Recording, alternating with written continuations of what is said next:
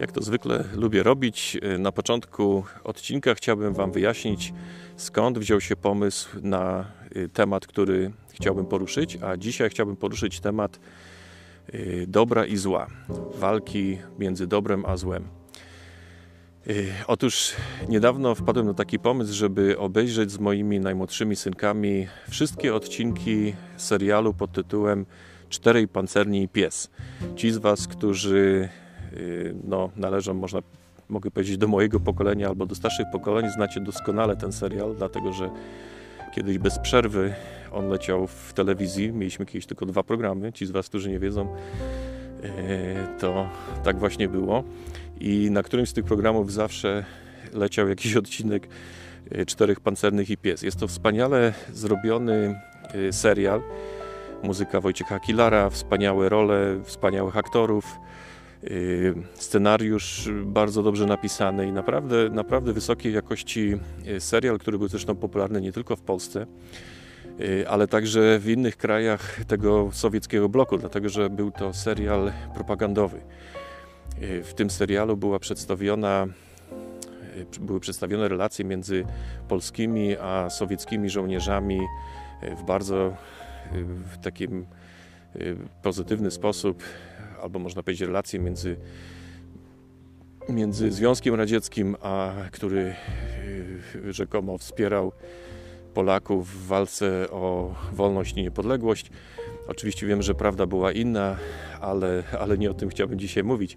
W każdym razie podczas oglądania tego serialu lubimy sobie czasami porozmawiać. Chwilami nawet z, y, y, pauzuję film i, i rozmawiam sobie z moimi synkami.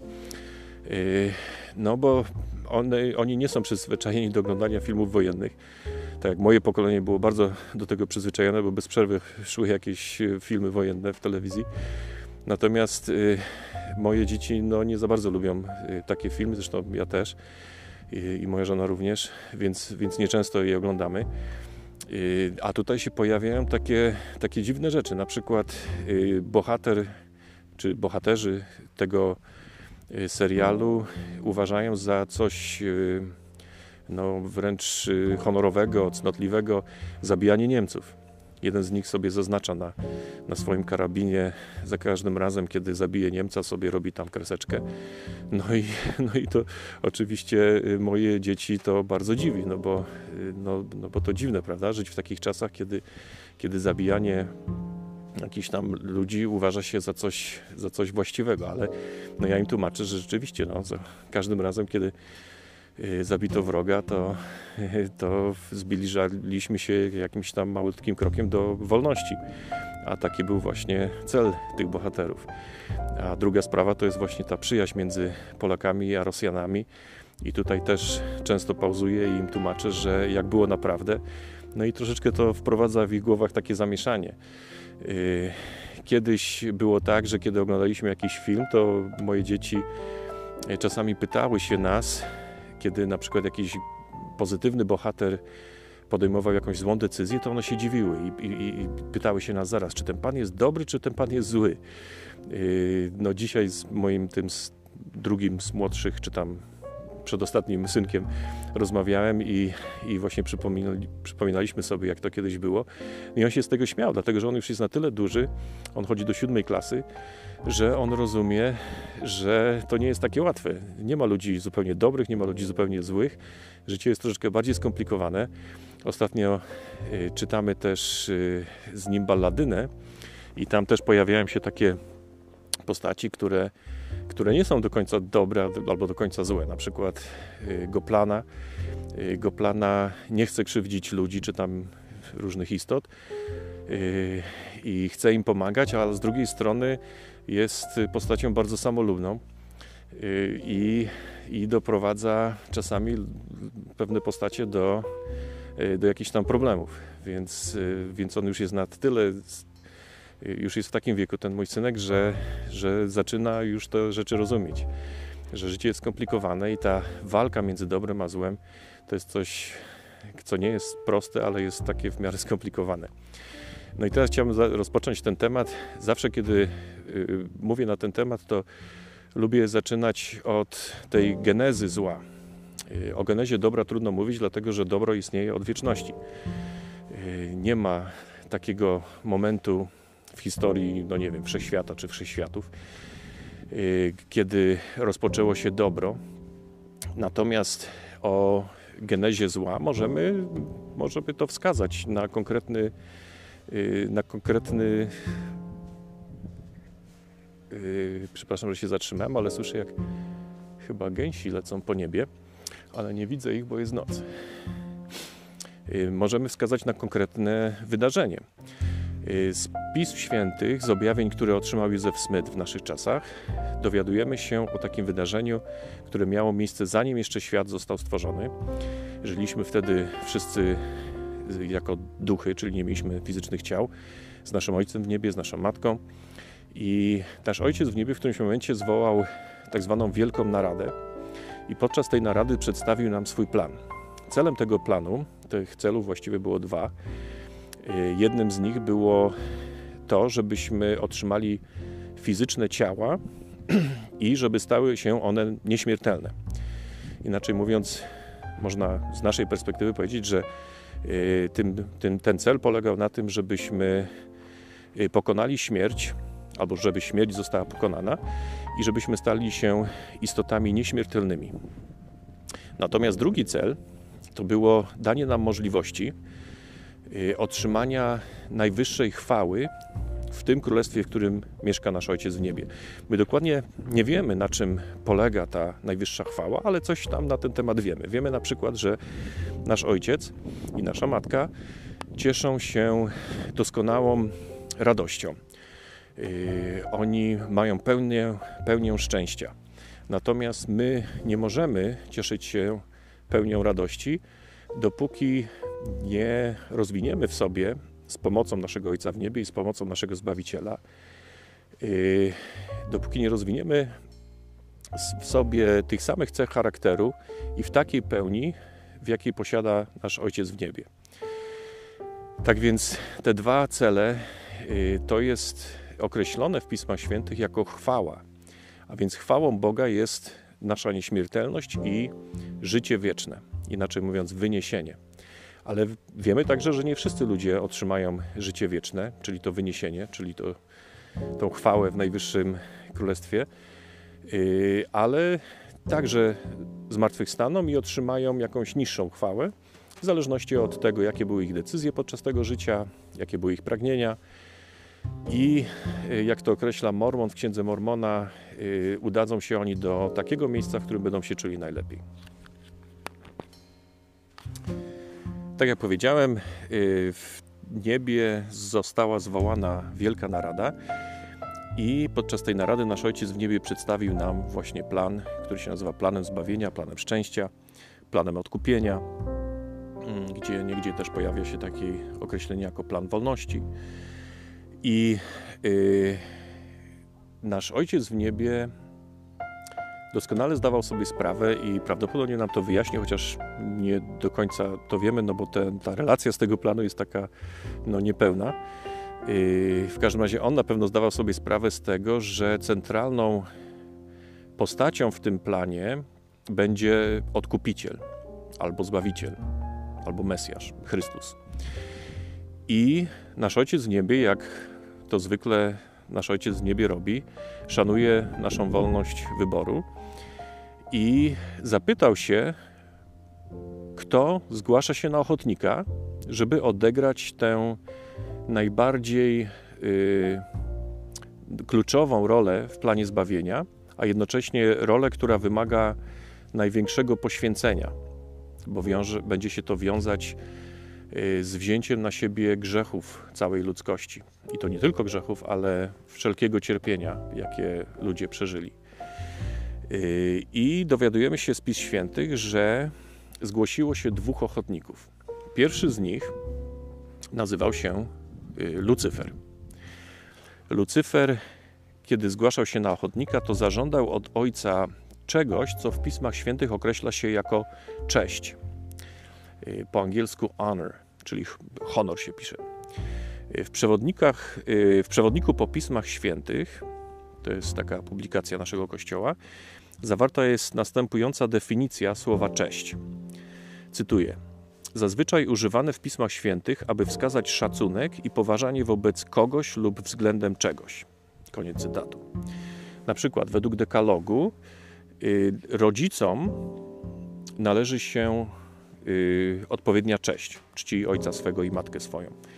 Yy, w pierwszym liście Piotra, w trzecim rozdziale, tam jest, tam Piotr, y, przemawiając do mężów, mówi, że naszym żonom także y, należy się cześć. Y, cześć powinna być dawana nie tylko wargami, ale przede wszystkim naszymi uczynkami. To jest napisane w drugim Nefim 27-25. W przypowieściach Salomona w trzecim rozdziale jest napisane, że cześć, którą oddajemy Bogu, yy, możemy oddawać dobrami. W Pismach Świętych w wielu miejscach napisane jest także, że ojciec oddaje cześć swoim dzieciom, tym, którzy jemu służą, na przykład Jan 12:26 i są mu wierni. Na przykład doktryna i przymierza 75:5. Istnieje także ciemna strona czci tego słowa cześć. Jest to dążenie do zaszczytów ludzkich i taka cześć oddala nas od błogosławieństw. I wydaje mi się, że właśnie takiego, takiej czci żądał y, Lucyfer, kiedy powiedział do ojca: Daj mi twą cześć, bo jest moją mocą. Doktryna i przymierza 29:36. Y, Lucyfer dążył do uprzywilejowanej y, pozycji pośród swojego rodzeństwa. On dążył do Y, specjalnego szacunku. Y, w przeciwieństwie do Lucyfera, Jezusa nie motywowała przyjemność bycia czczonym. I Jezus, czyli Jehowa, on był tą drugą osobą, która zgłosiła się na ochotnika, żeby zostać naszym odkupicielem. Różnica między Lucyferem a Jezusem polegała między innymi na tym, że Lucyfera motywowała taka niezdrowa ambicja Jezus natomiast powiedział coś takiego: Ojcze, niech się stanie według Twej woli i niech chwała będzie Twoja na zawsze. Mojżesz 4:2. A więc y, Jezus nie oczekiwał żadnej czci, uważał, że cześć należy się Bogu. Y, o właśnie, teraz przeczytam y, definicję słowa chwała, bo tutaj Jezus używa słowa chwała. Tam wcześniej Lucyfer użył słowa cześć, natomiast Jezus użył słowa chwała i w przewodniku po Pismach Świętych napisane jest tak. W Pismach Świętych chwała często odnosi się do świata, do światła, przepraszam, i prawdy Bożej. Może także odnosić się do oddawania czci lub szacunku i do określonych warunków życia wiecznego lub chwały Bożej. Koniec cytatu. A więc oddawanie Ojcu chwały jest oddawanie Mu czci i szacunku a jego chwałą jest przyniesienie nieśmiertelności i życia wiecznego, czyli wyniesienia człowiekowi. Mojżesz 1,39, bardzo znany fragment. Y, cześć i chwała są ze sobą y, powiązane. I myślę, że warto tutaj jeszcze y, zauważyć taką ciekawą rzecz, bo w języku polskim używamy słowa cześć, kiedy witamy się z osobą, którą lubimy, którą darzymy szacunkiem, a jednocześnie jest to osoba, którą, z którą czujemy się swobodnie, którą jakby y, traktujemy na równi ze sobą. I myślę, że to jest, y, y, warto o tym wspomnieć, że w pewnym sensie, kiedy spotykamy się z naszym przyjacielem czy z przyjaciółką, to niejako, niejako oddajemy im cześć. A więc wyznajemy że, że należy im się jakaś tam cześć. Myślę, że to jest dosyć ciekawe, aczkolwiek może odbiegłem od, od doktryny. A więc pierwsza różnica między Lucyferem a Jehową polegała na tym, że y, Lucyfer domagał się czci, natomiast y, Jezus uważał, że chwała należy się Ojcu. Y, druga różnica odnosi się do zasady wolności. Dlatego często nasi prorocy podkreślają, że walka między dobrem a złem rozpoczęła się od właśnie zasady wolności, że, że jest to walka o wolność. I yy, z tego, co jest napisane w tych właśnie relacjach z Wielkiej Narady, yy, możemy się dowiedzieć, że Jehowa, czyli Jezus, yy, rozumiał, że pokonanie śmierci i grzechu i uzyskanie nieśmiertelności i życia wiecznego możliwe jest jedynie wtedy, gdy człowiek będzie dokładnie postępował według planu Ojca. Y, I także oczywiście Jezus rozumiał, że on może wypełnić ten plan tylko i wyłącznie wtedy, jeżeli będzie doskonale posłuszny Ojcu. Lucyfer z drugiej strony chciał niejako usprawnić plan naszego Ojca. Lucyfer przedstawił, można powiedzieć, kompletnie y, swój, odmienny od planu Ojca plan. Y, Lucyfer uważał, że y, ludzie powinni być zbawieni automatycznie,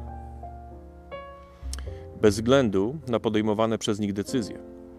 A więc zgłaszając swoją kandydaturę, Lucyfer powiedział, i teraz cytuję Mojżesz 4:1.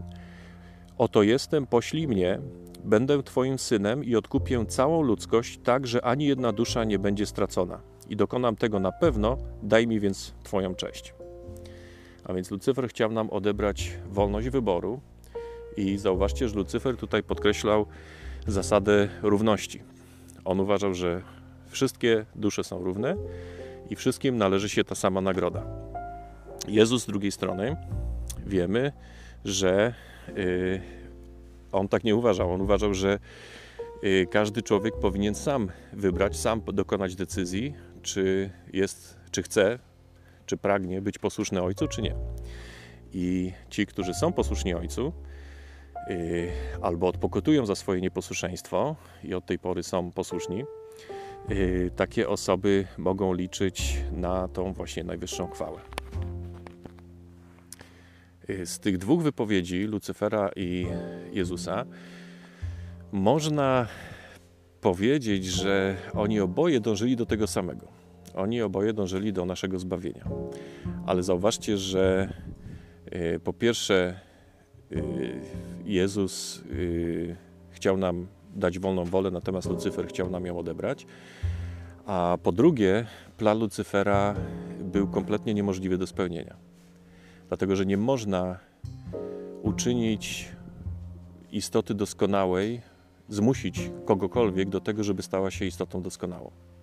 A tylko wtedy, kiedy ktoś posiada doskonały charakter, może otrzymać najwyższą chwałę, może cieszyć się pełnią radości.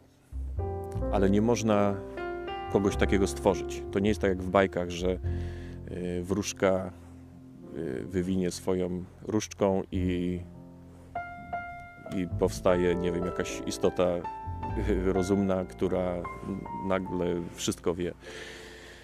Y, jest to tylko możliwe poprzez stopniowe przechodzenie od zasady do zasady, poprzez y, posłuszeństwo Duchowi Świętemu, poprzez postępowanie według podszeptów Ducha Świętego, jak to jest ładnie y, czasami określone jako podszepty sumienia. Y, I plan Lucyfera no, kompletnie nie brał tego pod uwagę, kompletnie ignorował naturę, zasady natury, zasady, które, które, których nie da się zmienić. Tak jak w naszym realmie nie możemy zmienić na przykład zasady grawitacji, tak samo nie da się zmienić zasada, zasady, zasady, która mówi, że aby człowiek wzrastał duchowo, musi posiadać wolną wolę, musi sam podejmować decyzje. Jeżeli jest zmuszany nawet do robienia czegoś dobrego, to jego charakter nie zmienia się i, yy, i tak jak już powiedziałem, nie można nikogo zmusić do tego, że, żeby był dobry i żeby robił duchowy postęp. Jakie były następstwa tej wielkiej narady?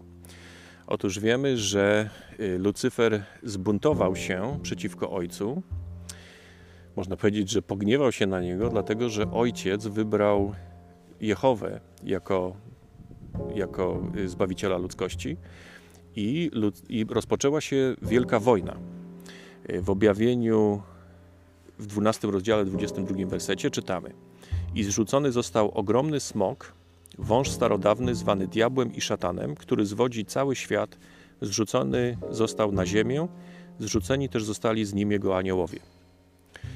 Kiedy jest tutaj mowa o aniołach Lucyfera, to y, mowa jest o naszych braciach i siostrach, którzy uwierzyli Lucyferowi i uwierzyli w jego plan i odrzucili tym samym plan naszego Ojca w niebie.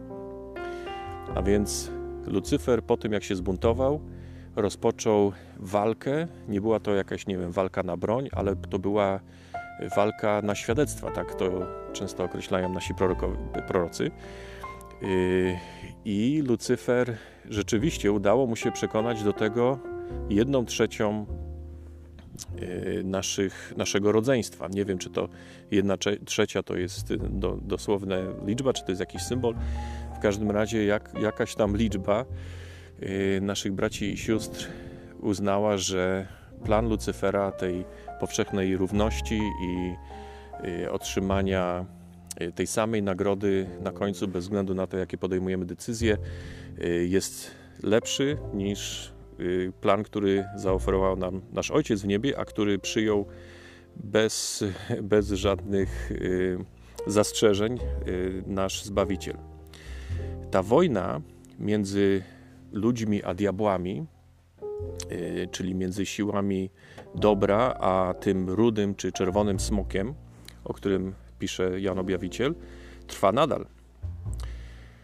Y, czytamy na przykład w Mojżeszu 4:4, że Lucyfer stał się szatanem, zaiste y, samym diabłem, ojcem wszystkich kłamstw, aby zwodzić i zaślepiać ludzi, aby ich prowadzić jak więźniów według swojej woli.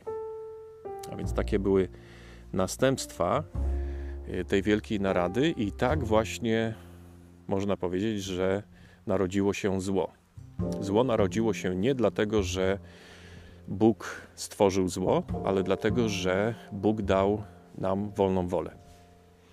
Co jest wspaniałe w tej doktrynie, to jest yy, taki bardzo prosty wniosek, który można wyciągnąć yy, no, bez żadnej wątpliwości, że wszyscy ludzie, którzy przyszli na ten świat, którzy narodzili się na ten świat, otrzymali fizyczne ciała, yy, to są te dzieci naszego Ojca w niebie, które przyjęły plan naszego Ojca i przyjęły Jezusa jako swojego Zbawiciela.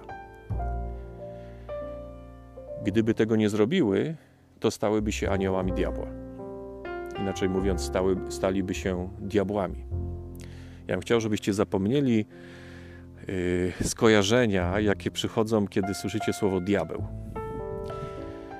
Ja przynajmniej, kiedy po raz pierwszy rozmawiałem z misjonarzami i słyszałem to słowo diabeł, to, to przychodziły takie skojarzenia trochę takie folkowe, jakieś, z jakichś ludowych bajek o jakiejś istocie yy, z, w ciemnej, w czarnej skórze yy, pokrytej sierścią, z kopytami, z rogami na głowę. To jest bzdura. Yy, jest, są takie istoty, które są diabłami, to są te, te złe duchy, które chodzą po świecie i w jakiś sposób no, kompletnie dla mnie niezrozumiały. Yy, nie jest to nigdzie wyjaśnione, jak oni to robią, ale w jakiś sposób mają oni wpływ na nas. Być może to się odbywa w podobny sposób, w jaki jest to opisane właśnie przez y, Słowackiego w Balladynie. Dzisiaj to czytaliśmy z moim synkiem, kiedy jeden z diablików, z takich sług y, Goplany, y, on się nazywał, już teraz sobie niestety nie przypomnę, ale jeden z tych diablików podszeptuje wdowie, matce Balladyny i Aliny, Y, pomysł, żeby wysłać swoje córki, aby nazrywały malin i która córka nazrywa więcej malin, to zostanie żoną Kirkora, y, bogatego młodzieńca. I, I tam to jest właśnie w ten sposób opisane, że ten diablik nie jest widoczny przez ludzi w pomieszczeniu, ale on podchodzi w którymś momencie do tej wdowy i podszeptuje jej właśnie ten pomysł. I wtedy ta wdowa mówi: Słuchajcie, mam taki pomysł, a może by tak wysłać moje córki, żeby nas rywały malin i tak dalej, i tak dalej. Więc być może tak to się odbywa, może w jakiś inny sposób. W każdym razie wiemy, że diabły mają jakiś tam y, na nas wpływ i mogą nam podpowiadać, dawać nam złe pomysły. No i wiemy, że y, ich celem jest, żeby przeciągnąć ich na naszą stronę. Żebyśmy my stali się także diabłami, bo jest to także możliwe. My do tej pory możemy stać się sługami diabła, jego niewolnikami. Wiemy przecież, że y, taki los spotkał y, Kaina. Właściwie spotkał los, to jest kompletnie nie, nie, nieadekwatne określenie, dlatego że jego nic nie spotkało. Taka była jego decyzja. Jego decyzje doprowadziły go do tego, że stał się niewolnikiem szatana i wiemy, że y, Kain spędzi wieczność w obecności szatana, w tym samym miejscu, gdzie spędzi ją szatan. W niezbyt dobrym towarzystwie. No i teraz y, należy sobie zadać ważne pytanie: w jaki sposób walczymy ze złem? W jaki sposób toczymy tą walkę dobra ze złem? Ja bym podzielił to na jakby dwie części. Pierwszy sposób to jest taka wewnętrzna walka ze złem, a drugi to jest, można powiedzieć, taka walka publiczna. I zaraz wyjaśnię, na czym polega ta druga. Najpierw chciałem coś powiedzieć na temat tej wewnętrznej walki. No ta wewnętrzna walka polega na tym, że dokonujemy właściwych wyborów. Kiedykolwiek szatan podszeptuje nas, nam, żebyśmy na przykład yy, wyborze między chwilową przyjemnością a trwałym szczęściem y, dokonali tego właśnie pierwszego wyboru, y, no to zaczyna się w nas toczyć jakaś tam walka. Jeżeli wybieramy y, wieczne szczęście, a więc pokonujemy pokusę i poświęcamy tą chwilową przyjemność albo jakąś tam krótkotrwałą przyjemność dla wierności naszemu Ojcu w niebie, albo no, różne rzeczy mogą nas motywować, albo robimy to dla dobra naszych dzieci, naszych przyszłych dzieci, albo robimy to po prostu dlatego, że wiemy, że tak jest dla nas lepiej, to yy, dana walka jest przez nas wygrana. Czasami bywa tak, że przegrywamy pewne walki, ale dzięki temu, że Jezus Chrystus dokonał za nas zadośćuczynienia i uczy nas, jak możemy odpokutować, to y, te przegrane walki wcale nie oznaczają, że y, nie ma już dla nas żadnej nadziei, bo możemy odpokutować i możemy następną walkę wygrać. I możemy stać się lepszymi ludźmi, a możemy nawet otrzymać odpuszczenie grzechów. Możemy nawet być przemienieni i stać się lepszymi istotami, właśnie dzięki zadośćuczynieniu Jezusa Chrystusa. Ja tutaj jeszcze przeczytam taki tekst y, z mojego bloga, którego chciałbym też opublikować właśnie na ten sam temat.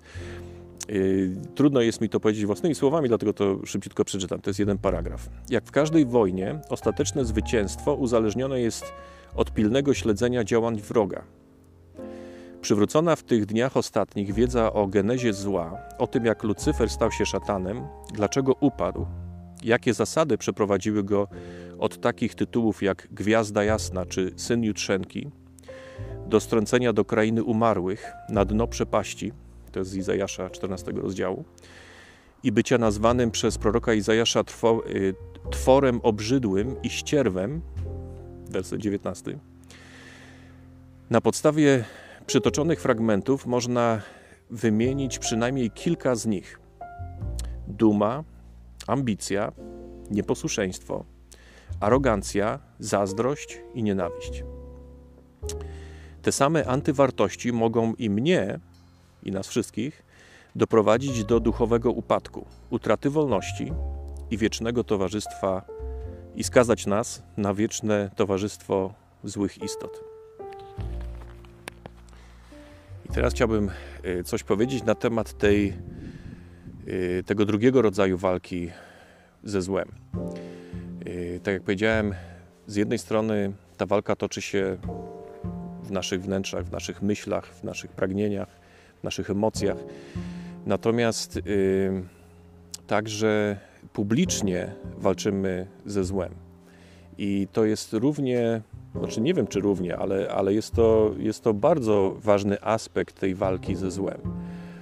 Bo jeżeli będziemy chować te prawdziwe zasady, te prawdy i nie dzielić się tym ze światem, yy, to, to też nie mamy nadziei na to, żebyśmy wzrastali duchowo ja to przypominam chyba w, nie wiem, co, drugi odcinku, w co drugim odcinku tego podcastu, że, że w Kościele Jezusa Chrystusa nigdy nie jesteśmy nauczani, żebyśmy, y, że, że możemy wzrastać duchowo w jakiejś pustelni.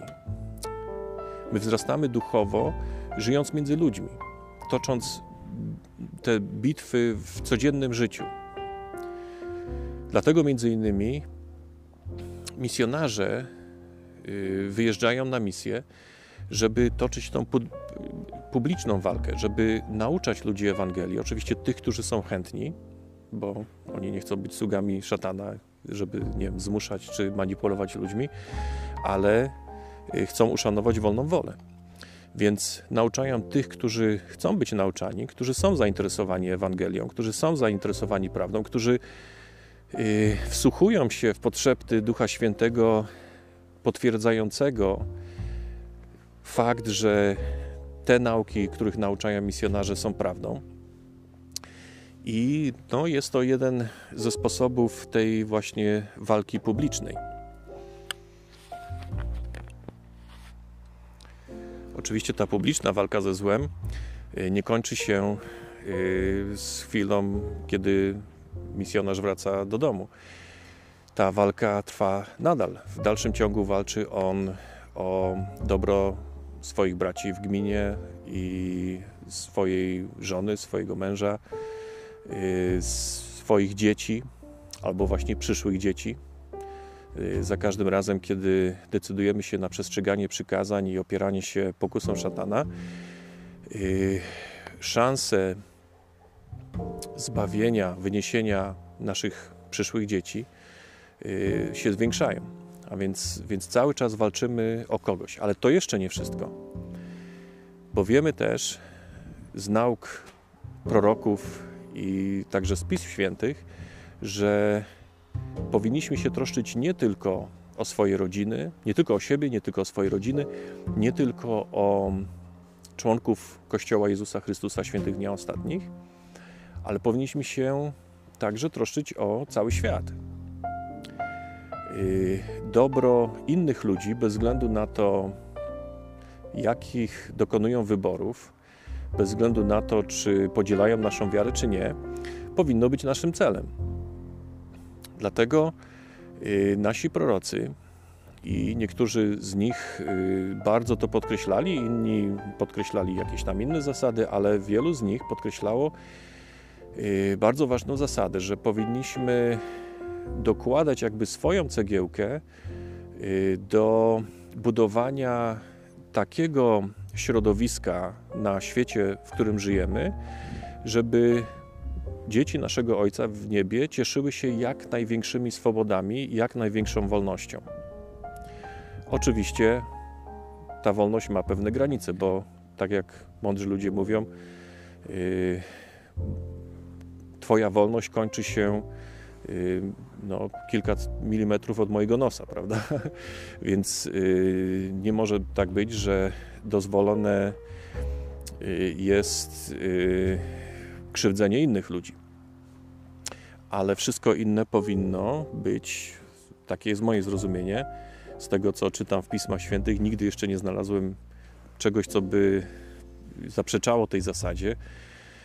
Yy, a mówię właśnie o zasadzie która, która naucza, że świat, w którym żyjemy, w świecie, w którym żyjemy, powinniśmy wszyscy cieszyć się swobodami. Powinniśmy być w stanie dokonywać własnych wyborów. czy to dobrych wyborów, czy złych wyborów. Oprócz oczywiście y, takich wyborów, które mogą krzywdzić innych ludzi. No bo na przykład, no nie wiem, kradzież czy morderstwo nie powinno być dozwolone i oczywiście za to powinno się karać. To, to wiadoma sprawa. Ja tutaj może dalej też to przeczytam i postaram się to zrobić jak najlepiej, y, no bo jakoś tak nie, nie umiem tego znowu, nie wiem, stworzyć bez, bez siedzenia i poprawiania tekstu. Yy, więc napisałem tutaj na tym swoim blogu coś takiego. Podczas gdy wewnętrzny aspekt walki ze złem jest dosyć prosty, ten zewnętrzny, czyli publiczny, yy, wydaje się bardziej skomplikowany. Wewnętrzna walka jest prosta, co nie znaczy, że jest ona łatwa, bo polega na dokonywaniu właściwych wyborów, tak by nauczyć się myśleć, yy, mówić i działać w harmonii z wolą Ojca. Ta zewnętrzna chyba częściej napotyka y, trudne dylematy. Y, I postaram się to teraz to wyjaśnić. Kiedy dwie armie toczą ze sobą walkę, sprawa jest dosyć jasna. Na początku twarze wojowników skierowane są ku stronie wroga. Ale nawet po rozpoczęciu bitwy i wymieszaniu się szeregów, każda armia ubrana jest w oznaczający ją od przeciwników mundury często uszyte z materiałów różnej barwy itd. Tak Podobnie w naszej walce z zastępami szatana sprawa wydaje się dosyć prosta. Oni, nasi wrogowie, są duchami, a my posiadamy fizyczne ciała. Można więc śmiało powiedzieć, że dla mnie każdy y, zły duch jest moim wrogiem, a każdy człowiek jest moim przyjacielem, niejako towarzyszem broni. Bo nawet gdy tego nie wie, to ja wiem, że stoimy po, właści- po, po tej samej stronie barykady. Walczymy z mocami próbującymi pozbawić nas wolności i spokoju ducha. A więc sprawa jest dosyć jasna. Ja osobiście przekonałem się, yy, oj, źle czytam. Ja osobiście przekładam to na swoją postawę wobec ludzi w ten sposób. Bez względu na, na poziom zrozumienia prawdy mojego przyjaciela, członka rodziny, czy też przypadkowo napotkanej osoby, Staram się być jej przyjacielem, rodziną, duchowym bratem wobec każdego z nich. Yy, I teraz tak. Załóżmy, że jest taka sytuacja, że ja, to jest kompletnie wymyślona sytuacja i nieprawdziwa, ale załóżmy, że mam w pracy kolegę, który yy, wiem, że postępuje niewłaściwie i wiem, że krzywdzi on ludzi, ale nie narusza ich wolnej woli. No, załóżmy, że Y, jest to człowiek, który posiada pewne, no nie wiem, talenty, jest przystojny, potrafi bajerować i y, wykorzystuje to do, do tego, żeby krzywdzić kobiety i no, y, wykorzystywać je w pewien sposób, który no, nie prowadzi ani do jego, ani do ich szczęścia. I teraz jest pytanie, czy jak ja powinien traktować takiego y, kolegę? Y, czy on zasługuje na mój szacunek? Czy on może spodziewać się ode mnie y, przyjacielskiej postawy, czy albo nawet jakiegoś poświęcenia z mojej strony? Otóż uważam, że tak. On nadal może być moim przyjacielem. Jeżeli on tylko jest nie, nastawiony przychylnie wobec mnie, to, to on może liczyć na moją przyjaźń, mimo że wiem, że on postępuje niewłaściwie.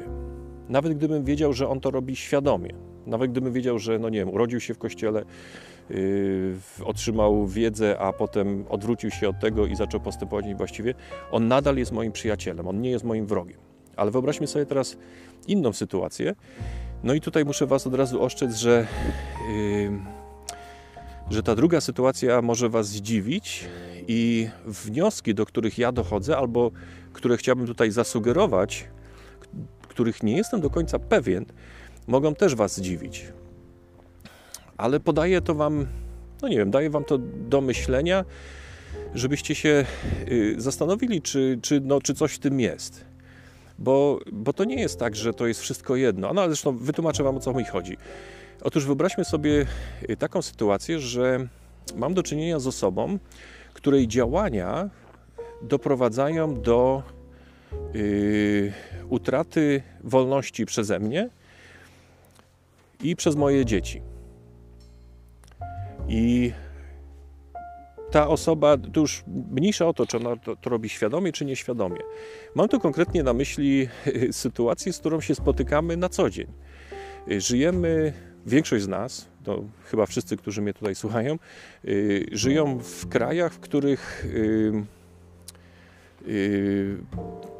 obowiązuje taki system rządzenia, który daje nam możliwość wyboru y, przywódców, a przywódców, źle powiedziałem, y, który daje nam możliwość y, głosowania na osoby, które będą wpływały na obowiązujące prawo.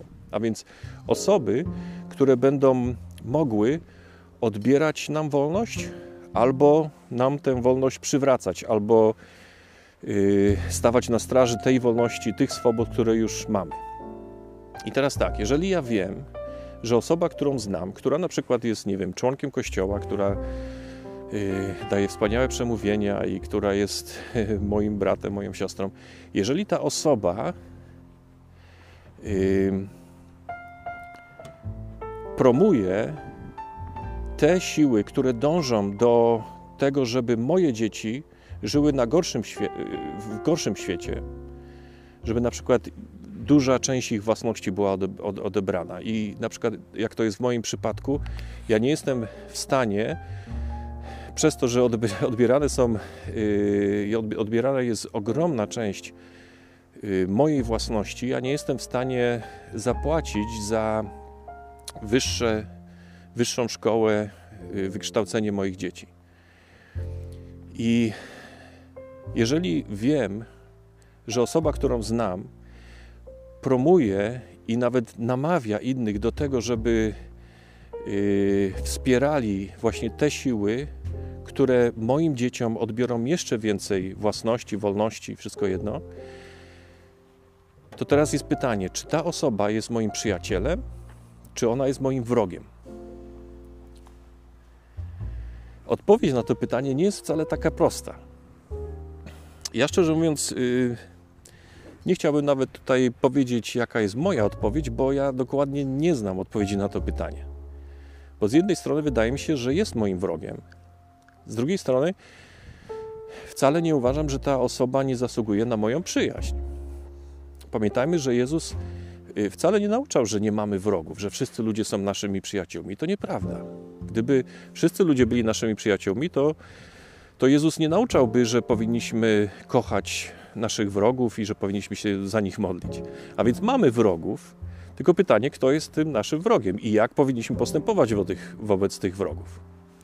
Niekoniecznie tak, jak robili to cztery pancerni, zabijając Niemców i robiąc sobie kreski na, na kolbie strzelby czy tam karabinu.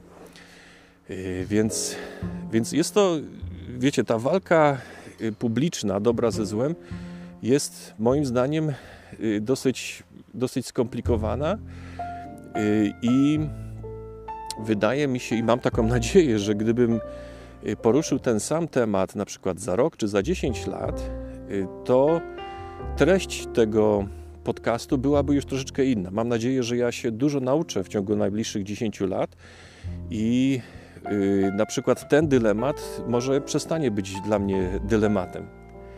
Jeszcze raz tutaj podkreślam, że kiedy mówię o wrogach, to wcale nie mówię, że powinniśmy być niemili w stosunku do kogokolwiek. Ale uważam, że ważną rzeczą jest, żebyśmy wiedzieli, czy ktoś jest dla nas przyjacielem, czy ktoś jest dla nas wrogiem.